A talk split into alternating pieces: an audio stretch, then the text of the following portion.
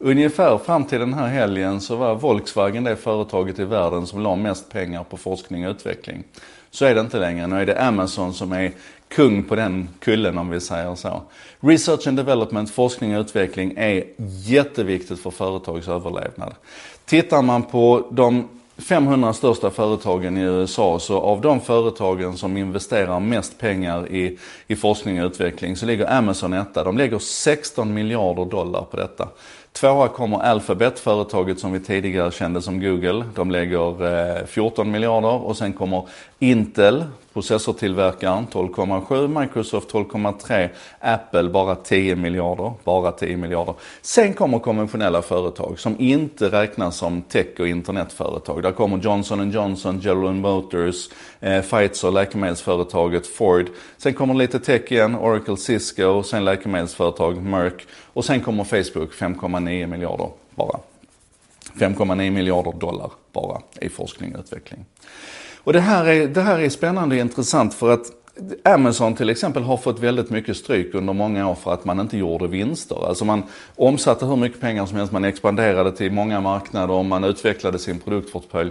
Men man gjorde ingen vinst sa folk och så pekade man lite finger på dem. Nej, det tror fan att man inte gör vinst när man lägger 16 miljarder dollar på forskning och utveckling. Det är som enskilt företag mer än vad hela Sverige lägger på research and development. Vi lägger ungefär 14 miljarder om året. Nu är det här siffror som är svåra att väga och mäta mot varandra och sådär. Och vi ska ha väldigt klart för oss att Sverige lägger mycket pengar relativt sett på forskning och utveckling. Jag tror vi ligger någonstans på, vänta ska vi se här, vi ligger på ehm, 3,1% av vår bruttonationalprodukt går till research and development. Att jämföra med USA som bara ligger på 2,7%. Men problemet är att i faktiska tal blir det här stora skillnader. Och du behöver pengar för att kunna göra R&D.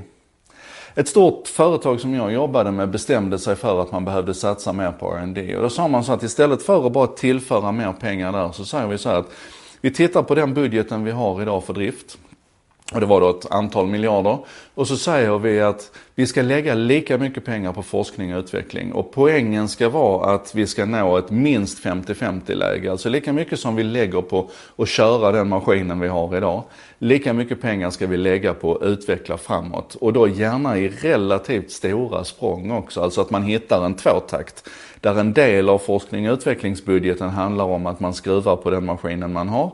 Och annat handlar om att man försöker hitta en helt ny maskin. Så ta Amazon till exempel, de är ju nätbokhandel. De, de började med att de sålde böcker på nätet. Och för att kunna göra det så behövde man, tyckte man då, en bättre teknisk plattform.